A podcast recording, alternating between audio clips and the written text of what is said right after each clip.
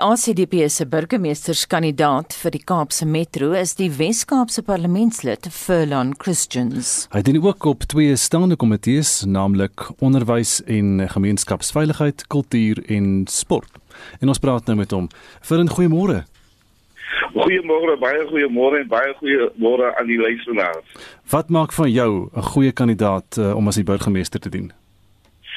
Dink dat uh, daar 'n paar redes wat kan gee, maar die een rede is dat um, ons as die ACDP ehm um, glo dat uh, Godvreesende mense, mense met integriteit, mense wat eerlik is, so uh, die goeie ding vir ons is dat ons 'n uh, party het wat gegrond is aan God se woord en uh, ek is 'n Christen en ek wil die beste vir ons mense doen. Ek het natuurlik uh, die ervaring, soos jy gele genoem het, as ek in die Weskaapse parlement, ek was 'n raadslid tevore, ek is op die grond met die mense.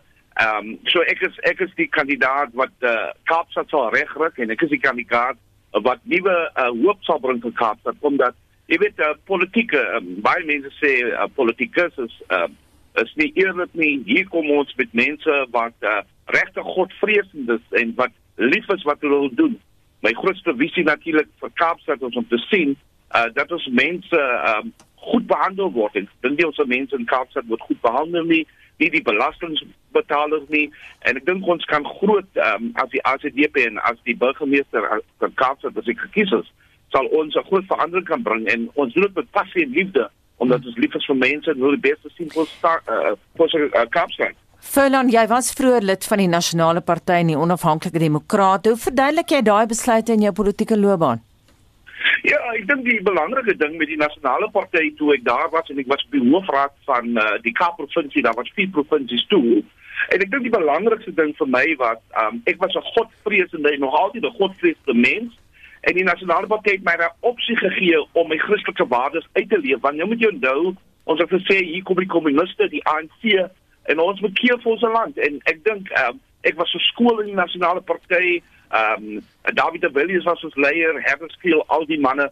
So ek was so skool in die nasionale party en ek dink dit goeie ondervinding gewees om vandag hier myself bekend te maak as die burgemeesterskandidaat vir Kaapstad. Wat is die grootste uitdagings vandag die staan daar in die Kaapstad se metro en hoe sal jy dit dan die hoof bied? Ek dink daar's 'n groot uh, uh, uh, daar's baie baie uitdagings in Kaapstad Maar as ek net iets inbring, uh, wissel, ek wil net iets inbring. Die grootste bedreiging vir die hele land en vir Kaapstad die provinsie is die inenting. Ek dink nie ek ek wil praat oor die ehm um, wat die grootste probleme is, maar ek dink as ek nie dit noem nie, dan sal ons ehm um, nie ek sal nie sê wat ek wil sê nie, want die grootste bedreiging vir die stad en die land is die wegneem van ons keuse en en die inenting proses. Ons is nie gekant teen die inenting nie maar dit is gekant teen waar burgers afgedwing word, geforseer word om die inenting te neem en dit vir my nou as ek kyk na die kaps uh, Kaapstad ons wil die, uh, die die die die land vorentoe vat ekonomies. Maar die grootste probleem is baie mense gaan op jou sê uh, wat maatskappye het jy moet ingeënt wees as jy wil deel wees van die planne vorentoe vir uh, die stad. En, en dit vir my is gaan gaan 'n groot probleem wees want mense gaan nou een kant geskei word. En as jy nie 'n sertifikaat ek sien dit vanoggend op business business tech. As jy nie 'n sertifikaat gaan hê dan gaan daar probleme wees. Dan kan jy nie werk kry nie. Hmm. so ons groot geveg op die oomblik vir die RCDP is dat mense nie geforseer moet word om ingeënt te word nie. So dit is want mense word al klaar nou gedreig met hulle werke. Mense word gedreig dat as jy nie gaan vir inenting nie, dan kan jy nie jou werk behou nie. So dit is die grootste dreigement op die oomblik en ek is ons is besig as die ACDP om om 'n span bymekaar te kry om om uh, die regering uh, na die grondwetlike hof toe te neem of wat ook al dat hulle nie mense geforseer word om in te uh, in te word nie. So dit is 'n groot probleem nou want mense gaan nou ekonomies gaan hulle uitgesluit word um, dit hoor ons en en dit vir my is een van die grootste probleme wat ek op die huidige oomblik um, uh, in die gesig staar. Maar daar daar is ander probleme. Ons sien die ongelykheid wanneer ons kom by ons uh, woonbuurte. Ons sien die misdaad is 'n groot groot probleem. Ek dink ons het 'n groot rol om daar te speel. En uh, daar daar is baie vlakke. Ek bedoel, ek weet nie as jy as jy die ehm um, uh, die artikel gelees het, uh, corruption was um, South Africa needs clean, clean hands. Wat Kaapstad die vyf mees korrupte uh, munisipaliteit in die land is in mm. 278. So en, en die verslag sê dit dan swak leierskap en dit sê jy al die kom. So daar's 'n klomp werk te doen en daar's om korrupsie ontslae te raak in die uh, die stad. So daar's klomp werk te doen in die ander Kaapstad. Verlan, jy het nog niks gesê van bende geweld nie. Sekerlik is dit 'n prioriteit. Wat beoog jy om te doen rakend die bende geweld, die dwelmkultuur wat hoogtyd vier op die Kaapse vlakte? Ja, kyk ek is eh, so so so hulle genoem het ek is ek sit op uh veiligheid so ek weet presies wat daar aangaan. Ek dink dan moet 'n wil wees om die wende geweld te kaap, dan moet 'n wil wees om te kom. Nou ons moet ook besluit wat wat sê dat jy weet die munisipaliteit het wet toepassende amptes en metropolisie uh, die uh Suid-Afrikaanse polisie uh, val onder nasionale vlak, provinsie vlak kan net uh uh, uh, kan 'n klein rol daar speel. Maar ek dink by die by die RCDP, dit is wat ek altyd uh, vir vir die mense sê. Ek dink ons buurtwagte het 'n groot rol om te speel en as ons die metropolisie, die die die wetstoepassing en die polisie as ons gekoördineerde ehm um, jy weet 'n uh, 'n uh, uh, approach om op die dinge te kamp, dan kan jy doen. Ek dink daar's 'n wil en daar's 'n regte wil van ons kant om om betrokke te raak uh en ontslae te raak van die dwelms ontslae raak van bende geweld. Uh, uh, maar ek dink ons almal nodig mekaar die gemeenskap die gemeenskap weet. Ek bedoel ek loop in gemeenskap elke aand het ek uh, vergaderings en vandag as ek in Makassar môre as ek in Mannenberg en en wat gebeur as die gemeenskap sê vir jou waar die die huise is die dwelmhuise is. Hulle sê dit presies waar dit is. So ek dink ons kan definitief dit uh, uitwis. En ek het gesê voorheen en sal weer sê ek is nie bang nie Ek is nie in die sak van bendes nie en ek sal dit aanvat omdat ek weet ons mense verdien 'n veilige stad. Ferlin baie dankie die ACDP burgemeesterskandidaat vir die Kaapstadse Metro is Ferlin Christians.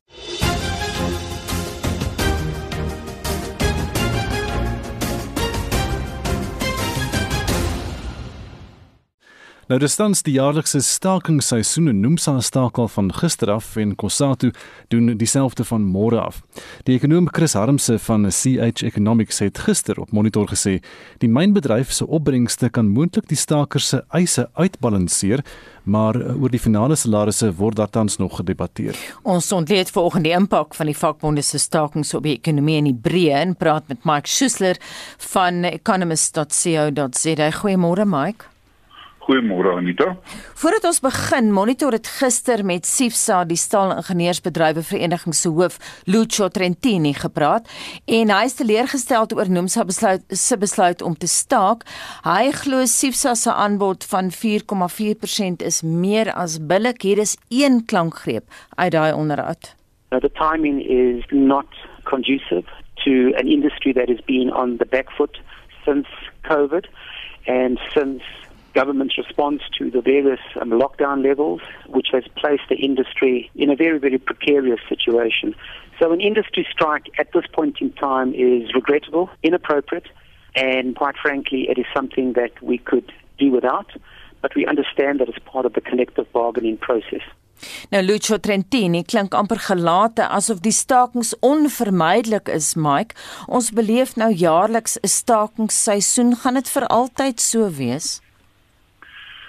Ja, ek dink ons het 'n groot probleem, jy weet, en en dit kan nie so aanhou nie. Dit is die feite van die saak. Kom ek gee 'n paar interessante syfers en ek moet sê fabriekswese in totaal in Suid-Afrika het uh, met 40% gedaal van sy hoogtepunt in 1990.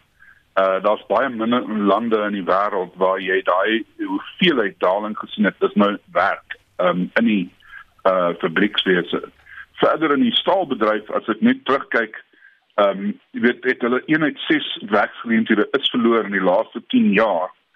Die hoeveelheid ehm um, salaris ekstra wat die gemiddelde persoon onder in al die onderhandeling regdeur Suid-Afrika gekry het oor die laaste 10 jaar is 99% en daai tyd het inflasie met 69% gestyg. So die gemiddelde werker in die onderste gedeelte waar die vakbonde 'n uh, 'n uh, uh, baie groot rol speel, het baie beter gevaar as inflasie, die wat sy werk behou het, want dis wat gebeur het om te gebeur. En ek verstaan heeltemal ehm um, SISA se se probleem ook.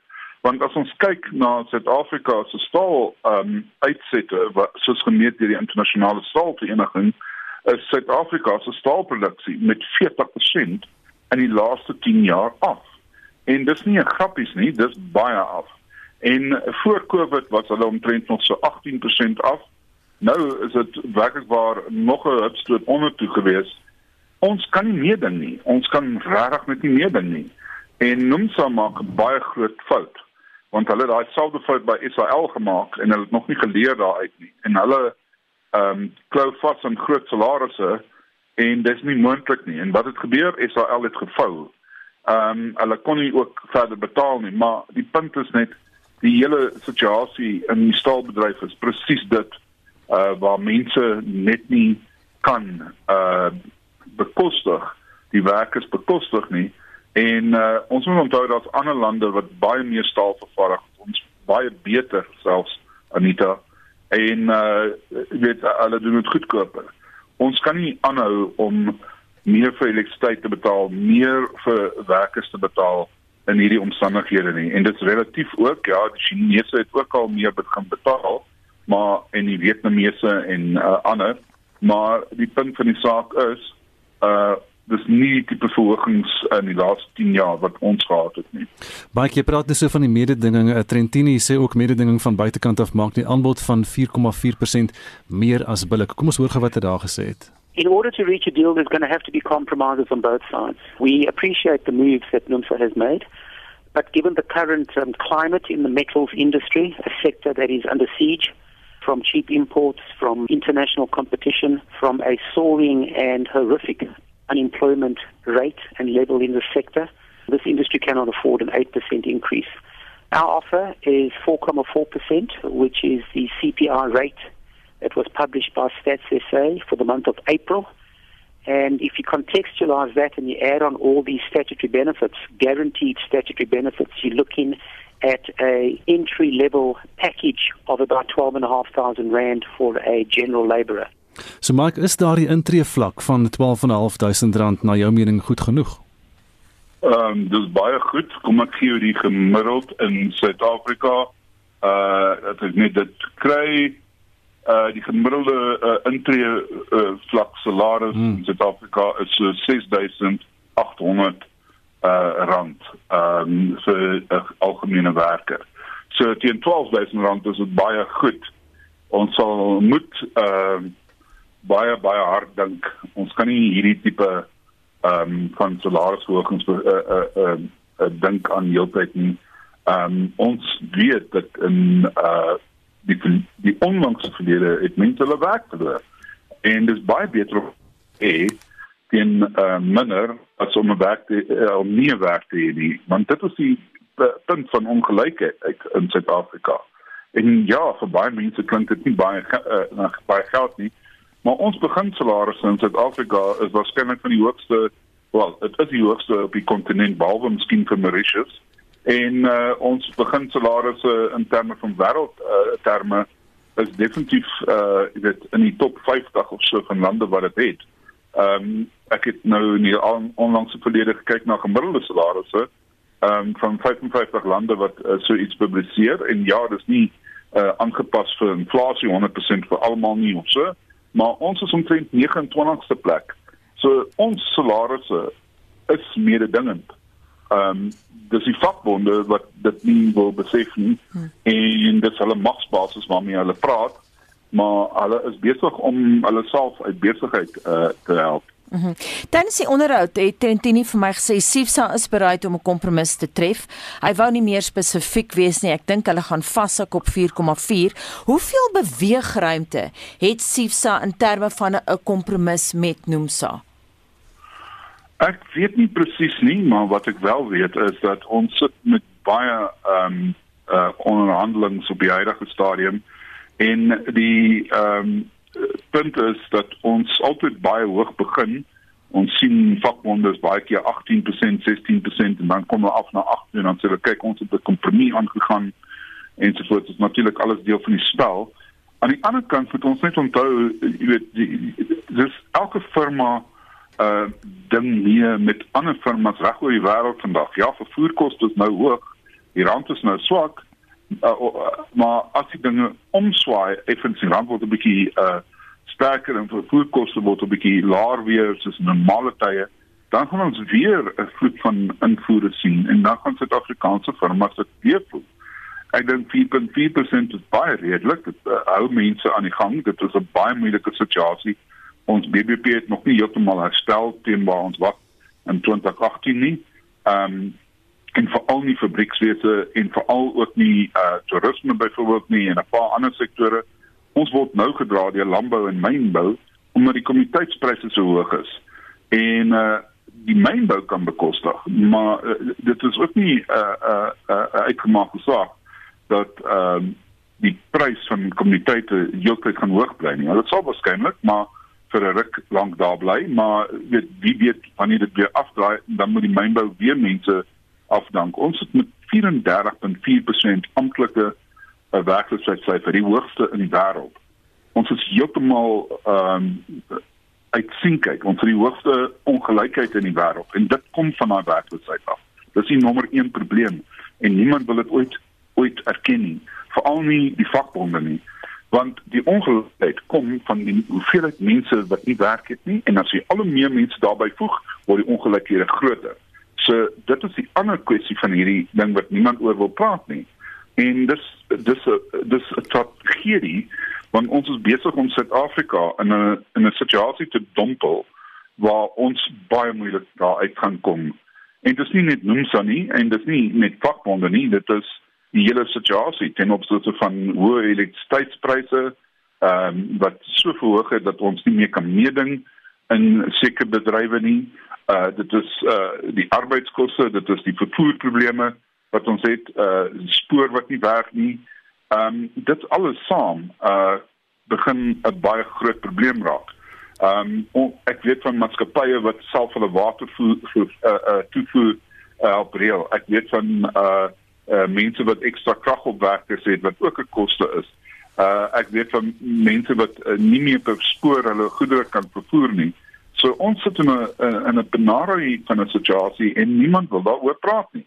Ehm um, dis asof ons uh, uh, de de op ons afstorm en niemand sê iets nie. Ons fabriekswese uh het minder mense in diens vandag as in 1969 dit dit ongehoor die aantal mense as 'n deel van die populasie wat ons is hmm. is is, is laer as meeste Afrika lande of nie meer nie baie Afrika lande soos Ethiopië het meer mense en meer mense as hulle uh uh uh uh bevolking in diens in fabriekswese. Ehm um, ja. dit sê tot iets. Jy praat nou so van die werkloosheid en hierdie syfers wat jy gee. Ehm um, Trentini was ook in die onderhoud met ons baie spesifiek oor werksverliese in in die stal en ingenieurssektore veral. Hier is wat hy gesê het. In our industry alone, we've lost in excess of 25,000 employees.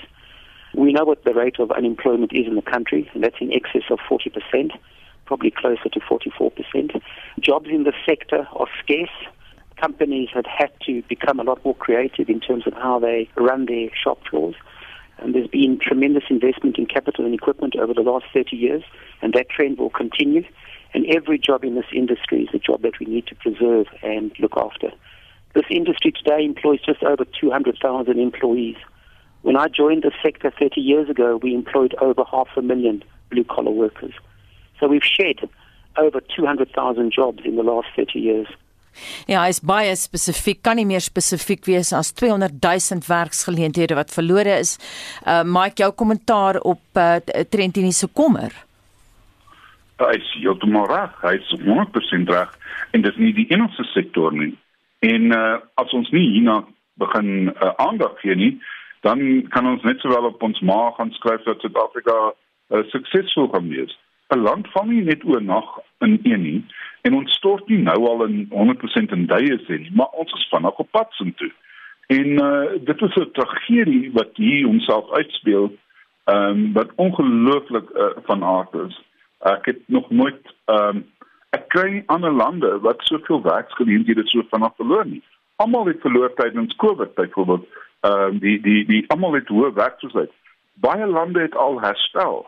Ons is uh uh uh, uh nog steeds besig om werk te verloor. Ehm um, dit is presies gewees wat in 2008 gebeur het Ons het een uit elke 8 geleenthede in die hele Suid-Afrika verloor. Die meeste ander lande het nie daarbey gekom nie. Die IMF, die Wêreldbank, almal het daaroor kommentaar gegee. Hoe kan dit wees? ook een uit 8 geleenthede amper weer te verloor. En uh, ons is ons is nie besig uh, uh, en dis nie net dit nie, die die die werkloosheid het met 6.8% toegeneem. Met ander woorde van hier by die 27 tot 34%. Ek hoor wat uh ehm um, Lucio sê dan met die tini ehm um, die die die die die die feit van die saak is ja, hy praat van die breë werkloosheid, dis 44.4%. Kom ons draai dit om.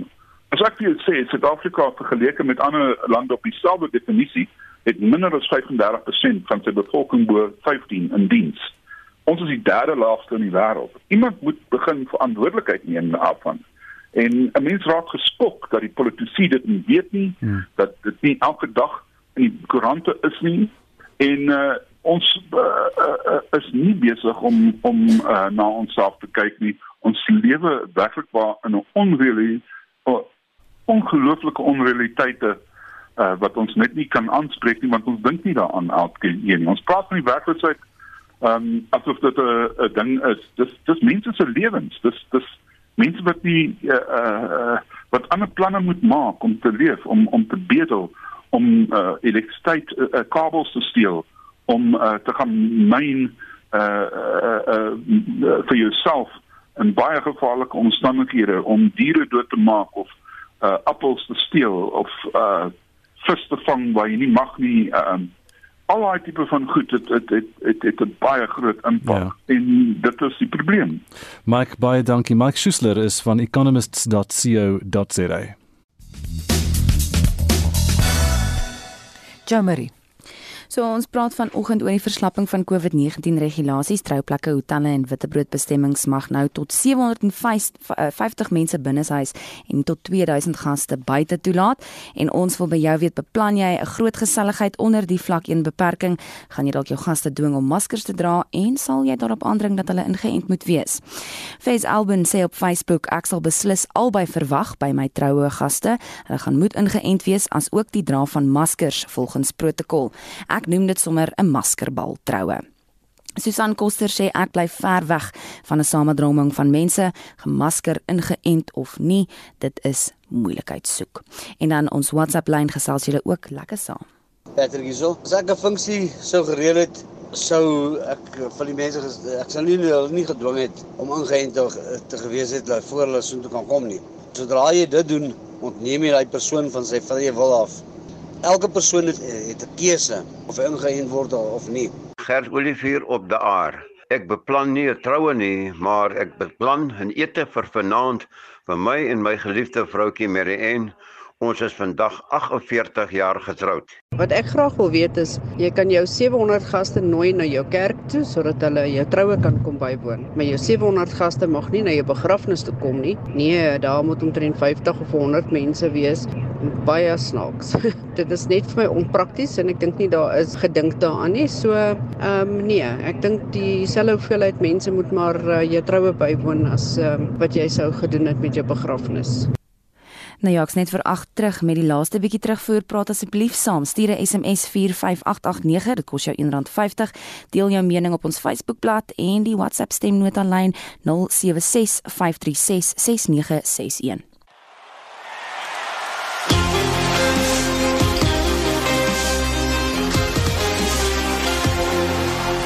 Hier is Shaun Jooste met vandag se sporthoogtepunte. In die bydra Bafana Bafana speel volgende week in Johannesburg voor toeskouers. Die veelsidige speler Sam Curran uit die Engelse T20 Wêreldbekerspan en die Netball Proteas se Europese toer word bevestig.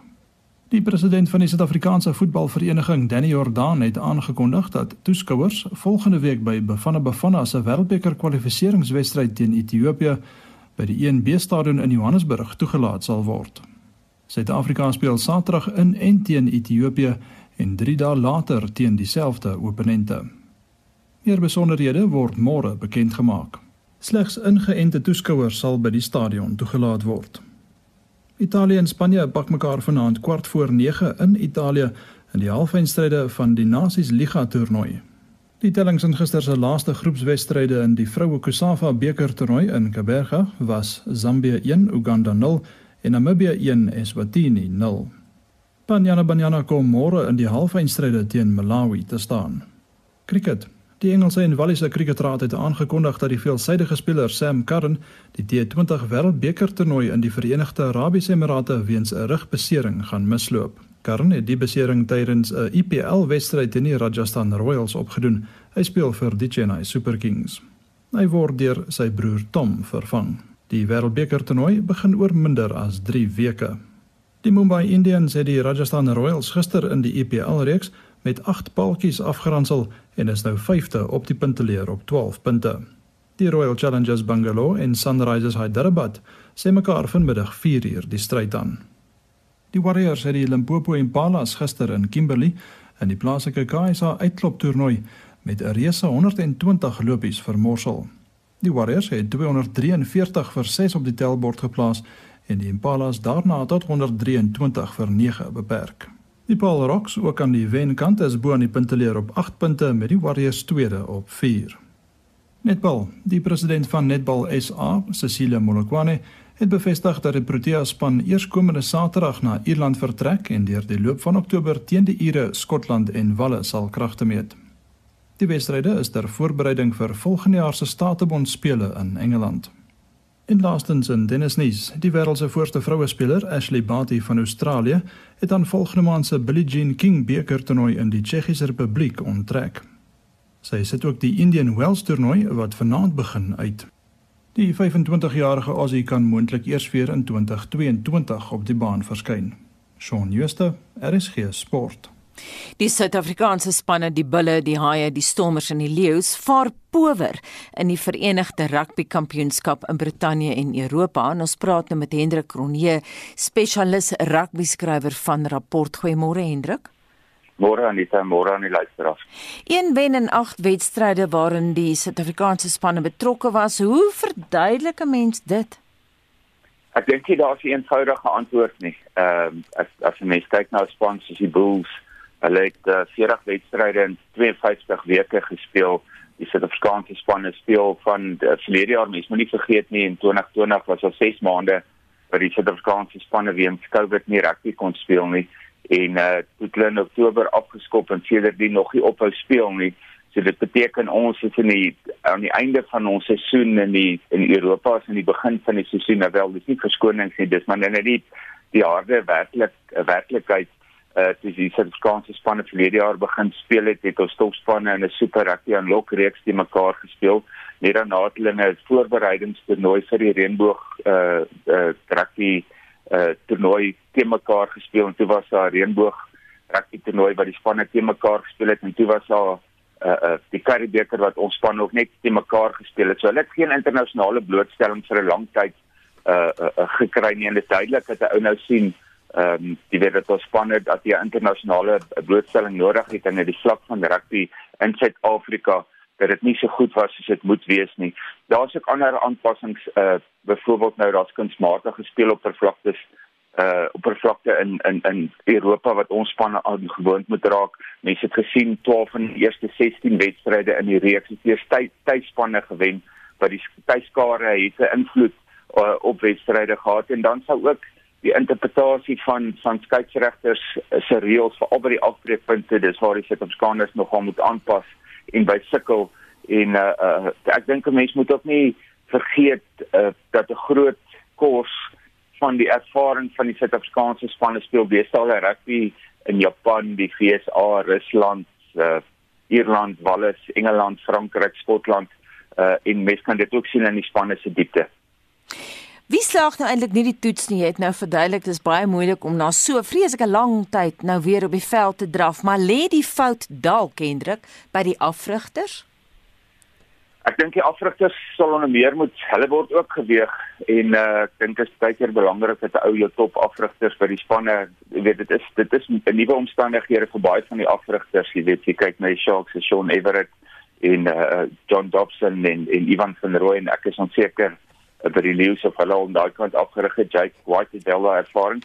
Ek dink hulle moet hulle balans regkry uh, uh, uh, en ons almal as Afrika wil graag hardloop prakties sien ons wil vermaak word maar nie altyd is dit bring dit gee ons die gewenste uh, uh, uitslag nie ons kan dit dan 2016 en 2017 was het die nasionale span moes hardloop en te kry 350 talle teen die teen die All Blacks aan die einde van 2017 het die Bokke sonder 'n borg gesit. Jy weet so hardloop rugby is fantasties en ons almal raak opgewonde, maar dit gee nie altyd vir ou. Mens moet aanpas by omstandighede en die belangrike ding is die oordeel moet reg wees as die Springbokke in die laaste toets in die All Blacks gewys het. Hulle het nie net soos robotte geskop nie. Hulle toe toe daar punt toe 'n ruimte op die punte was waar die vleuels bietjie teruggeval het om die, om heel agter te help met die hoëskoppe was 'n ruimte op die punt en die Springbokke die bal. Daai oordeel was beter geweest. Ek dink die oordeel van die Suid-Afrikaanse spanne in die Verenigde Rugby Kampioenskappe is nog nie 100% teen. Mense kan dit soms sien die sien in die skopmeters uh, uh van spanne skopmeters bedoel ek nou wat hulle afstand gewen het met hulle skoppe.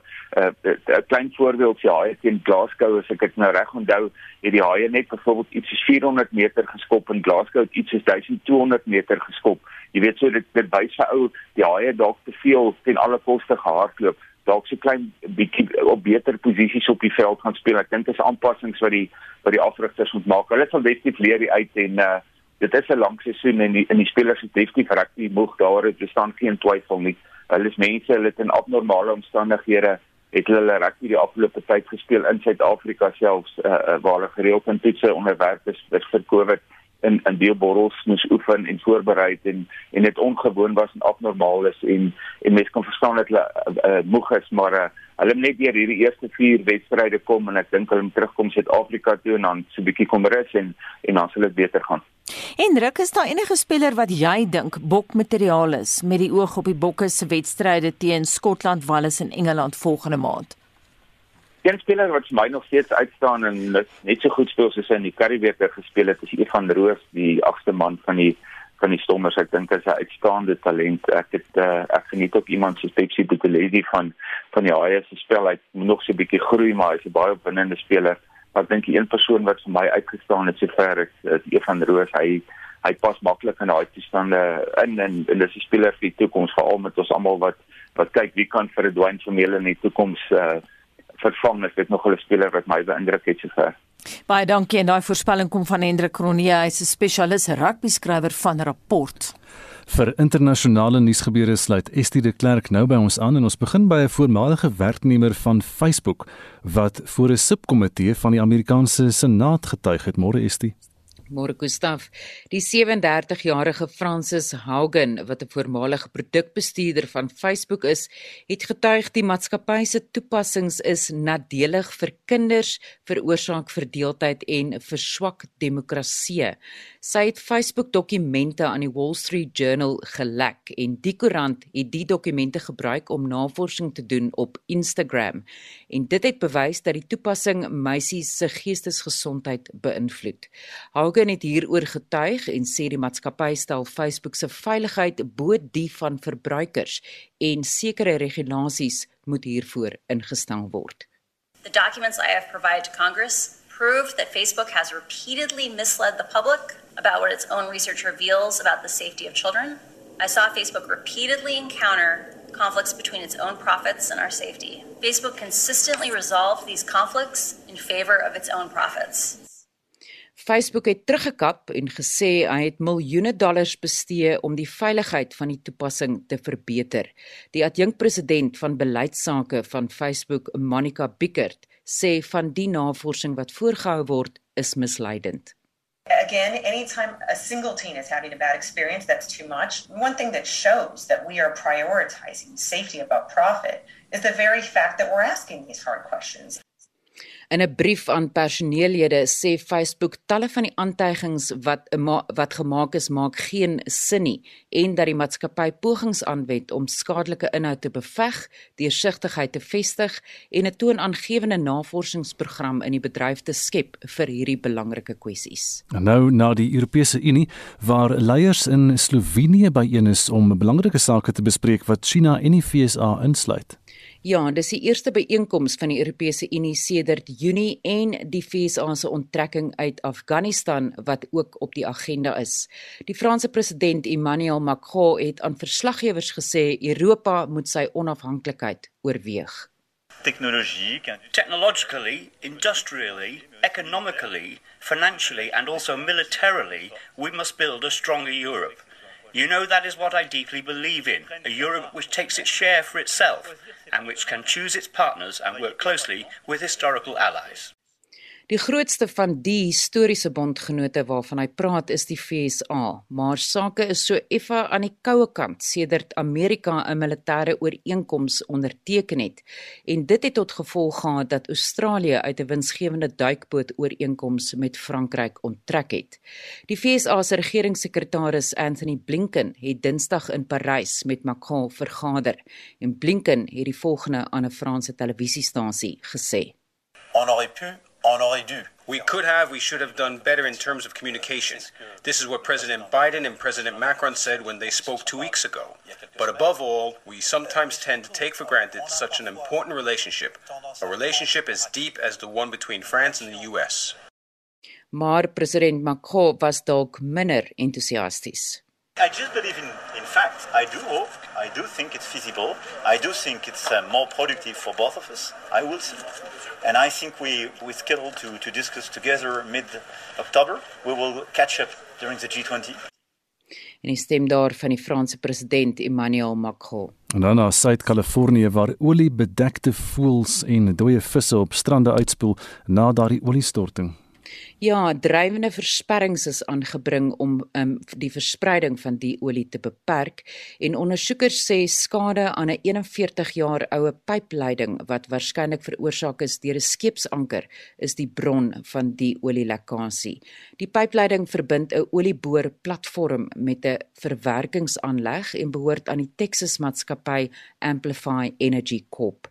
Die skade by die gewilde Huntington strand het uitgekring en 34 vierkante kilometer see en dele van sy kus is reeds bedek met olie. Die Magnolia Marsh vlei-land is ingedrang waar 90 voëlspesies nesbou met minstens 8 bedreigde spesies wat daar gevind kan word. En dit was dan Estie de Klerk met 'n oorsig oor vanoggend se wêreldnuusgebeure. 751 in die somerreënvolstreek kan môre en oormôre goeie reën verwag en selfs die Kaap kan regmaak vir 'n ligte koue front. Ons praat nou met Henning Grobler van die Suid-Afrikaanse Weerdiens. Môre Henning. Môre Anita. Geef ons meer besonderhede watter dele kan van môre af eende weer verwag? Ja, wat Anita, dit, ek moet se dinge lyk like weer eens besonder goed. Eh, 'n uh, Week terug het ons ook gesels en toe het ons goeie reën voorspel wat wel voorgekom het oor hele somer reënval gebied. Nou ja, terug by die voorspelling dan vir vandag, môre en, en Vrydag. Ek dink daar's al reeds 'n goeie kans vir uh, baie uh, verspreide baie en donderbuie wat vandag kan voorkom daaroor die noordoostelike gedeelte van die Vrystaat en dan so 'n 30% kans oor die sentrale binneland, eintlik maar omtrent die hele somer reënval streek dan verander die prentjie effens na môre toe as gevolg van 'n uh, oppervlaktrog wat ontwikkel hier oor die binneland. Daar ons het uh, heelwat vog wat gaan invloei hier vanaf die noorde en noordooste as gevolg van 'n hoog wat oos van die land sit. En dan om nog uh, by te dra tot die uh, tot hierdie goeie toestande is 'n boligstelsel wat vinnig gaan weer beweeg wat dit meer gaan onstuimig maak in die bolig Ja, en dan daarbey het ons nog aangename temperature op die oomblik. Eh uh, temperature lekker hoog so omtrent in die omgewing van hoë 20s uh, tot 30s oor die binneland. Nou as ons nou al hierdie bestanddele bymekaar gooi dan lyk dit goed vir verspreide buie en donderbuie wat môre kan voorkom veral hier oor uh, die somerreënvalgebied. Ons kyk hier na die noord uh, of kom ons sê maar die grootste gedeelte van die Vrystaat, die Noordwes, Gauteng en dan ook hier oor uh, die KwaZulu-Natal area. Dan uh, dink ek gaan ons uh, vir wyd verspreide donderbuie kry oor die Vrystaat, Gauteng en Noordwes provinsie teen môre middag môre aan as daai droogstelsel deur beweeg en ons kan ook ewige buie en donderbuie verwag op hierdie stadium het ons nog nie enige impak waarskuwings nie, maar ek uh, dink eh, soos die dag aanbeweeg gaan ons uh, die modelle sal ons herëvalueer en heel moontlik kan daar dalk 'n paar impak waarskuwings vrygestel word teen later vanmiddag se kant. So die publiek moet maar net luister op die radio. Ons sal julle op hoogte hou van sake. Ja, en dan teen Vrydag se kant, hierdie stelsel kom deur uh, laat môre middag se kant oor na Vrydagoggend toe en dan Vrydag begin dit baie vinnig opklaar en dan gee ons maar teen Vrydag lekker bewolkte toestande oor die grootste gedeelte gedeelte van die uh, somerreënvalgebied uh, met net 'n 30% kans vir enkele buie in donderbuie wat nog kan voorkom. En dan uh, Anita, jy het reg goed gesê 'n uh, swak koufront uh, is besig om Kaap toe te beweeg. Dit sal reeds teen môre aand se kant hier by ons aankom, maar ongelukkig nie vreeslike reën uit die stelsel nie. Hy bring vir ons net 'n bietjie motreen bewolkte toestande al langs die kus en koel ons temperature effens af hierso oor die Wes-Kaap en die Noord-Kaap uh, waar ons temperature op 'n oomblik lekker hoog is en 'n uh, bietjie afkoeling is meer as verwelkom. Ja, en dis al die van die weerkantoor vanmôre aan die dag. Jy het behoorlik jou sê gesê. Baie dankie Henning Grobler van die Suid-Afrikaanse Weerdiens. Laaste kans vir SMS terugvoer, Jamari. Ja, op Facebook skryf Saret Joubert Barnard: Ek dwing niemand om iets te doen nie, maar baie van die vorige comments wys vir my duidelik dat baie van ons mense nie 'n idee het waardeur mediese personeel die afgelope tyd is met die oorvol COVID-sale en talle sterftes en emosionele uitputting. Ek dra maar nou my ou maskertjie en voel veilig na my inenting. Dan sê Letitia Swart vermaak, gelukkig beplan ek niks, daarom hoef ek nie onnodige vyandskap te veroorsaak met mense wat van my wil verskil nie. Ek glo dit is elkeen se reg om self te kies, maar hou jou opinie vir jouself en indien jy twyfel, vra tog asseblief ingeligte mense vir antwoorde en verduidelikings. Moenie luister na elke tweede persoon se opinie of weergawe nie. Dis tog sekerlik die regte ding om te doen. En dan 'n laaste SMS, 'n luisteraar skryf vir ons, ek het mos ook 'n keuse wie ek na my partytjie wil nooi. Mense wat nie anders se gesondheid in uh, in belang het nie, is nie welkom nie. Estie, wat is alles op die dagboek vir Spectrum om 12? Die DA-leier John Steenhuisen lei vandag 'n protesoptog van die party teen Gauteng se watervoorsieningskrisis. 'n Nuwe verslag onthul dat Eskom die grootste koolstofdioksiedbesoedelaar ter wêreld is. Ons berig hieroor en die departement van gesondheid sê hy word oorval deur navrae oor probleme met die aflaai van digitale inentingssertifikate en ons bring vir jou nuus hieroor. Onthou vorige uitsendings van Monitor Spectrum naweek aktueel en kommentaar is op RC se webblad as 'n potgooi beskikbaar. Gaan na www.rc.co.za. Dis ons program ons uitvoerende regisseur is Nicoline de Weer, die redakteur volgens Wessel Pretorius en ons produksieregisseur Daitrin Godfrey. Monitor is môreoggend om 6uur terug. Anne Marie is reg met die 8uur nuus. Ek is Gustaf Greiling en ek is Anita Visser.